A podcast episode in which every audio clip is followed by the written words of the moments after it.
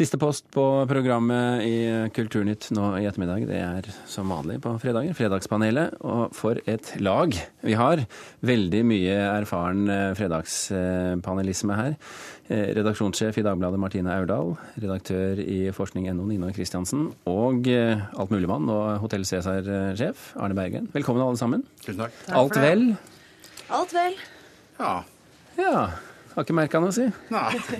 I hvert fall ikke jeg. Nei. Nei. Ok, vi, vi begynner eh, vi, Journalister er jo litt navlebeskuende, så vi begynner med første tema om journalistikk. Det kom ut eh, denne uken i dag. Denne uken i, i dag, ja. Dette startet bra. Denne uken fikk vi høre at færre unge satser på en karriere som journalister. Medier over hele verden sliter for tiden med inntjening, og unntakslandet Norge er ikke noe unntak. Medieforskere mener nedskjæringene i bransjen har skylden for lavere søkertall. Og mange medieelever på videregående skole har eh, mistet lysten på å bli journalist. Spørsmålet vårt er skal vi bekymre oss over dette, Kristiansen? Nei. Ja. Nei, ikke ennå. Ok. Jeg tenker at det tyder på at ungdom har næringsvett. Ja. Altså, Papiravisa er i ferd med å dø. Mediebransjen er i omstilling. Det er masse oppsigelser, så det er jo ganske smart da, å ikke velge et så utsatt yrke. Og så er det jo ikke så dramatiske tall ennå at det ikke kommer nye journalister ut. Det gjør det jo. Så jeg Men det er jo en tendens. det er en tendens, ja, men ikke sant? Hvis du ser på andre yrker, så er det sånn som går opp og ned. ikke sant? Altså, Det pleier å regulere seg til antall ledige jobber som regel, da. Bergen? Nei, altså At ungdom ikke vil bli journalister, må jo være bekymringsverdig i et program som dette, hvor man nesten alltid snakker om journalister, naturligvis.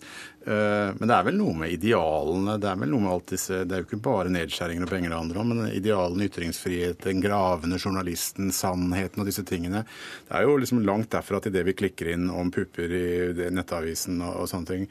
Er det ikke liksom en del av en, en større greie at uh, ungdom ser kanskje ikke helt hva journalistens rolle er og skal være lenger, da sånn sett heller ikke har lyst til å søke? Jeg syns det er en lang, fin setning jeg tok nå. Ja, om jeg synes du, eh, men jeg syns det er all grunn til bekymring, men det er et større problem. Vi snakker om demokratiets grunnvoller her.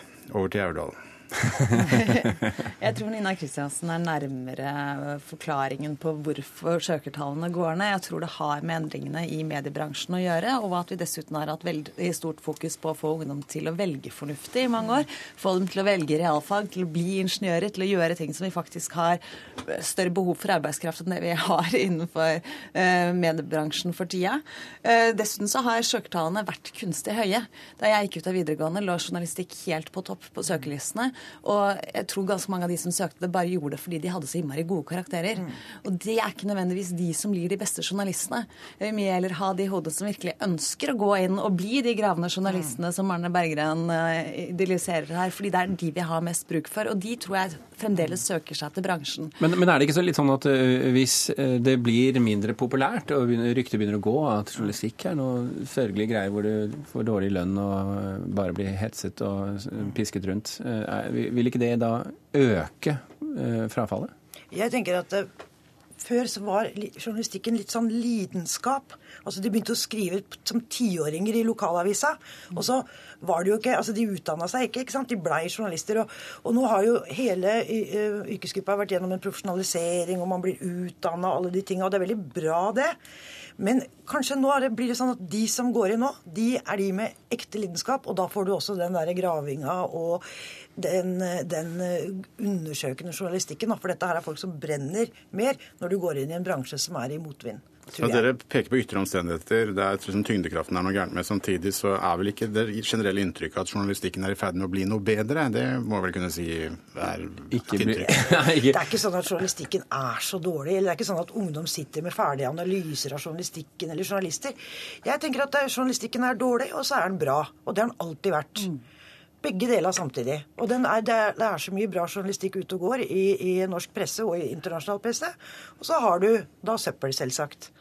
Ok, Og sånn- så og sånn er de journalistikkens kvalitet er konstant? Det er liksom en tyngdelov? du- Det, men, ja. Uavhengig av Uavhengig av alle andre ting? Ja, hvis du leser litt pressehistorie, så ser man jo det at det har vært stått fryktelig dårlig til før i tida også. Og, og journalistikken f.eks. har jo spilt på rad med, lag med makthavere, eller har vært verste kloakkstoff. Sånn at det, jeg tenker det at det, det står ganske bra til nå, jeg. Men hvordan skal du få inn de klokeste hodene, Erdal? det er jo fremdeles ganske mange søkere både på journalisthøyskolene og til eh, hver enkelt eh, stilling som lyses ut. Eh, så vi har godt grunnlag å velge mellom. Og det jeg ser etter, uavhengig av om noen av de har journalisthøyskole, noen av dem har ikke det, men de ønsker å gå inn i yrket, og de er villige til å gjøre ganske mye for å få til, til det. Og de ønsker seg utelukkende til den en type journalistikk som, eh, som jeg tror Arne Berggren også vil se som kvalitetsjournalistikk. Eh, vi hopper til neste spørsmål. Vi skal til reklame for pengespill på TV. For Kristelig Folkeparti har sagt denne uken at den må stanses, på lik linje med alkoholreklame. Eh, de forventer at regjeringen bruker de samme mulighetene som ligger i lovverket. Bakgrunnen er at folk med spilleavhengighet opplever reklamen som mer aggressiv for tiden. Og vi stiller følgende spørsmål. Kan det skade å reklamere for et lovlig produkt? Ja. Ja. ja. Hva er problemet i denne altså, sammenheng? Vi vet jo det fra alkohol og sigaretter. Altså, det er lovlige produkter, men det er ikke lov til å rekla reklamere fordi at man tenker at det påvirker. Og da er vel spill litt sånn på samme mm, banehalvdel. Men jeg må jo si at altså, folk har jo lov til å spille. Det kan du jo. Det er bare du skal bare ikke vite hvor du skal spille? Ja. Litt mindre, altså Gjøre det mindre tilgjengelig. da. Det er jo en god norsk offentlig politikk på produkter som man ikke liksom syns så mye om, da. Men er det ikke en dobbeltmoral her, Berggren, at uh, Norsk Tipping kan uh, breie seg på de fleste kanaler, mens uh, andre som driver med noenlunde det samme, blir henvist til pamfletter her og der? Jo, men det er vel alltid dobbeltmoral hver gang staten har noen inntekter på en eller annen side av bordet i det. Men jeg er jo svak for jeg er jo mørkemann og moralist. Jeg er jo svak for hver gang man prøver å oppheve tyngdekraften og begrense noe som for en vesentlig del av befolkningen kan være uheldig. Jeg er ikke så veldig liberal. Jeg syns det er litt gøy hver gang de prøver seg. Det er jo nytteløst, sannsynligvis. Vi må jo tilpasse oss liksom, marked og EØS og alle strømninger i tiden til syvende og sist. Men, men jeg liker litt grann når Kristelig Folkeparti er der. De sier noe. Det er ikke bra. De prøver liksom å stanse det. Svak for det, altså. Jeg får liksom motsatt ryggmargsrefleks. jeg vil jo ikke være, jeg vil jo heller være liberal og kritisk når KrF kommer med sånne forslag. Så jeg måtte tenke meg om både to og tre ganger. Ja. Men, men, jeg ender nå likevel opp som ikke så veldig liberal i dette ståstedet. Jeg syns det er et godt forslag. Og så er det jo i tråd med norsk lov. Altså Det er jo slik at vi har hatt forbud mot reklame på pengespill med Norsk Tipping som det eneste unntaket på alt som blir sendt ifra Norge. Og, hvis, og begrunnelsen fra et konsensuspreget storting eh, for at man ikke har klart å stoppe dette før, er jo fordi at det ikke har vært mulig. Eh, ikke fordi de ikke ville.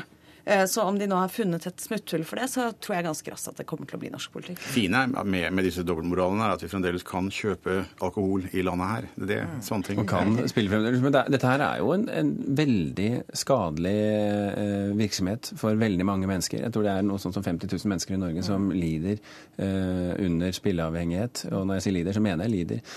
Mm. Eh, skulle man ikke heller bare eh, kutte ut all spilling, da?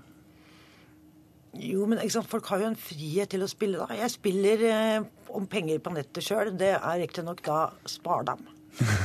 og det går, Jeg vinner ikke mer enn sånn 20 kroner i gangen, men det er jo gøy. ikke sant? Altså, dette her, Det er jo sånn da med mange ting at det, eh, det er en aktivitet som er bra, og så er det noen som ikke tåler den aktiviteten fordi de får en avhengighet. ikke sant? Og det er jo klart at det, Vi må jo støtte dem. Vi kan jo ikke regulere uh, liksom et helt folk hver gang en gruppe har problemer. Og det syns jeg det kanskje er litt mye av her i Norge. da, At vi skal, med en gang du har en gruppe med problemer, så skal liksom det øyeblikkelig reguleres bort. Det var det Frp sa i studio her også? Ja, uff a meg. kan jeg si. vi havner i mange sånne rare posisjoner her, syns vi. Ja. Det er jo noe med det, da, at det sånn, staten skal passe på oss i alt. Og jeg er jo for det. Jeg er jo et menneske som er født og oppvokst i dette landet og er vant til å være regulert og passa på av staten. Men det syns jeg også det finnes, at vi bør være kritiske til det samtidig, da. Men det er jo et svar på dette at pengespill er jo så mye mer sjarmerende hvis det faktisk er ulovlig. Mm. Altså, det er noe konklusjonen på det her, ja, men, det er, ja, men eh, hva, hva, skader å gjøre det ulovlig? Moralsk sett er det helt riktig. Det er store grupper som lider under det. Men uh, må man først spille, så er det jo mye morsommere i en bule på natta med litt røykfylte lokaler, og at det er ulovlig. Det er nok internett i disse dager, yes, Berggren, ja, som er problemet. Ja, det, men jeg vil tilbake der. Ja. Okay. Grønnegata. Fjerde etasje. Dette snakker vi om når sendingen er over. Vi sitter utenfor studio her, Berggren. Vi hopper til neste spørsmål, folkens. Denne uken fikk vi vite at Stavanger Stavanger kommune ønsker å gå nye veier for grunnskoleelevene sine for å få dem til å lære bedre. I første omgang får alle elevene i fire skoleklasser hver sin iPad som de skal bruke i undervisningen. Samtidig hørte vi denne uken en nyhet om at de elevene med gammeldagse lærere, lærere som krever respekt, konsentrasjon og hyppige prøver, det er de elevene som gjør det best på skolen. Så spørsmålet mitt i dag er lesebrett i undervisningen. Er det bare keiserens nye klær, Berggren? Ja. Nei, nei, overhodet ikke. Absolutt ikke.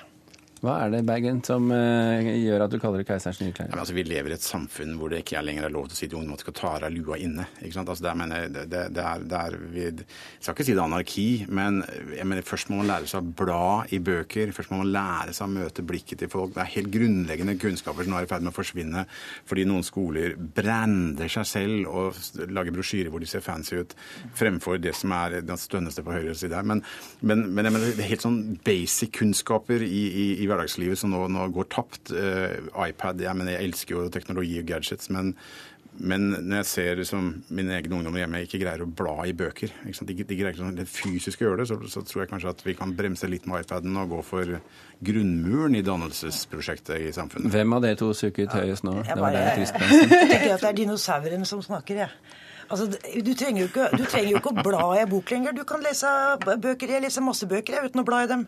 Ja, og, og, det gjør barna mine òg. De leser bøker, men du blar jo ikke ei bok lenger. Det var før, det. Eller du blar digitalt, da. Men de greier jo ikke å bruke en penn sånn, lenger heller. De greier jo ikke å skrive navnet nei, sitt. Nei, du trenger kast pennen. Ja, kast, kast blyanten, ja, ja. kast pennen. Det har de gjort i Sollentuna i Sverige. Eh, så, så lærer ungene å skrive på tastatur før de lærer å skrive med blyant. Og det forskningen eh, viser, at de er, leser i første klasse da, som tredjeklassinger. De leser bedre, og de skriver bedre. Grunnen til det er fordi at veldig mange førsteklassinger har ikke de motoriske evnene som kreves for å skrive med blyant. Så da jevner på en måte da tastaturet ut forskjellene. Kjempegode resultater. Det å holde på med den der håndskrifta nå i 2013, jeg syns det er sjokkerende. Jeg syns også det er en helt søkt problemstilling å sammenligne dette her med å ta seg lua. For det er jo ikke sånn at man skal sitte der og bruke denne iPaden bare til spill. Eh, det er jo en måte å effektivisere eh, skolen på. Du kan ha alle skolebøkene inn på Jeg sa ikke spill, jeg sa det med lua. Nei, du, ja, du, ja, men, du, men når du uh, karikerer bruken av iPad som noe helt sånn uvesentlig og bortkasta, uh, mens her kan du ha da mye, uh, mye raskere oppdaterte skolebøker. Kan bytte dem ut mye fortere enn det man kan gjøre i dag. Det er billigere. Uh, du slipper gjenglemte bøker i Eh, to forskjellige foreldre hjem og på gymmen og alle mulige andre steder. Så først glemmer boka, så glemmer du alle?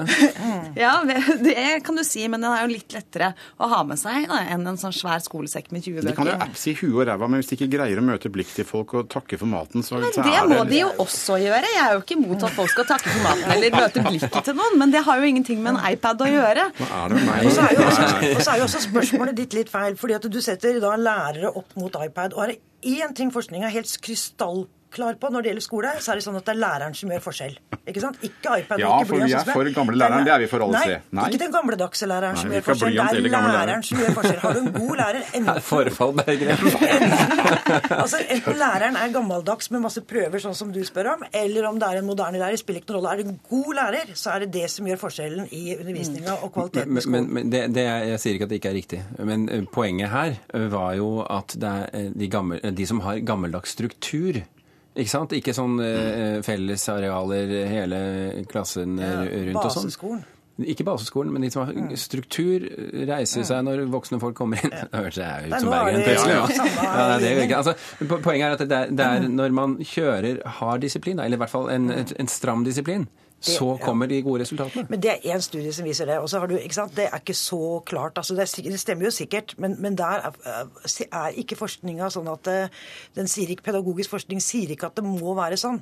Det den sier, er at god kvalitet på læreren avgjør. Men jeg har lest forskning rundt en ny app som er kommet, som hvis du ligger tynt an resultatene, så er det en stemme som sier 'får av lua'.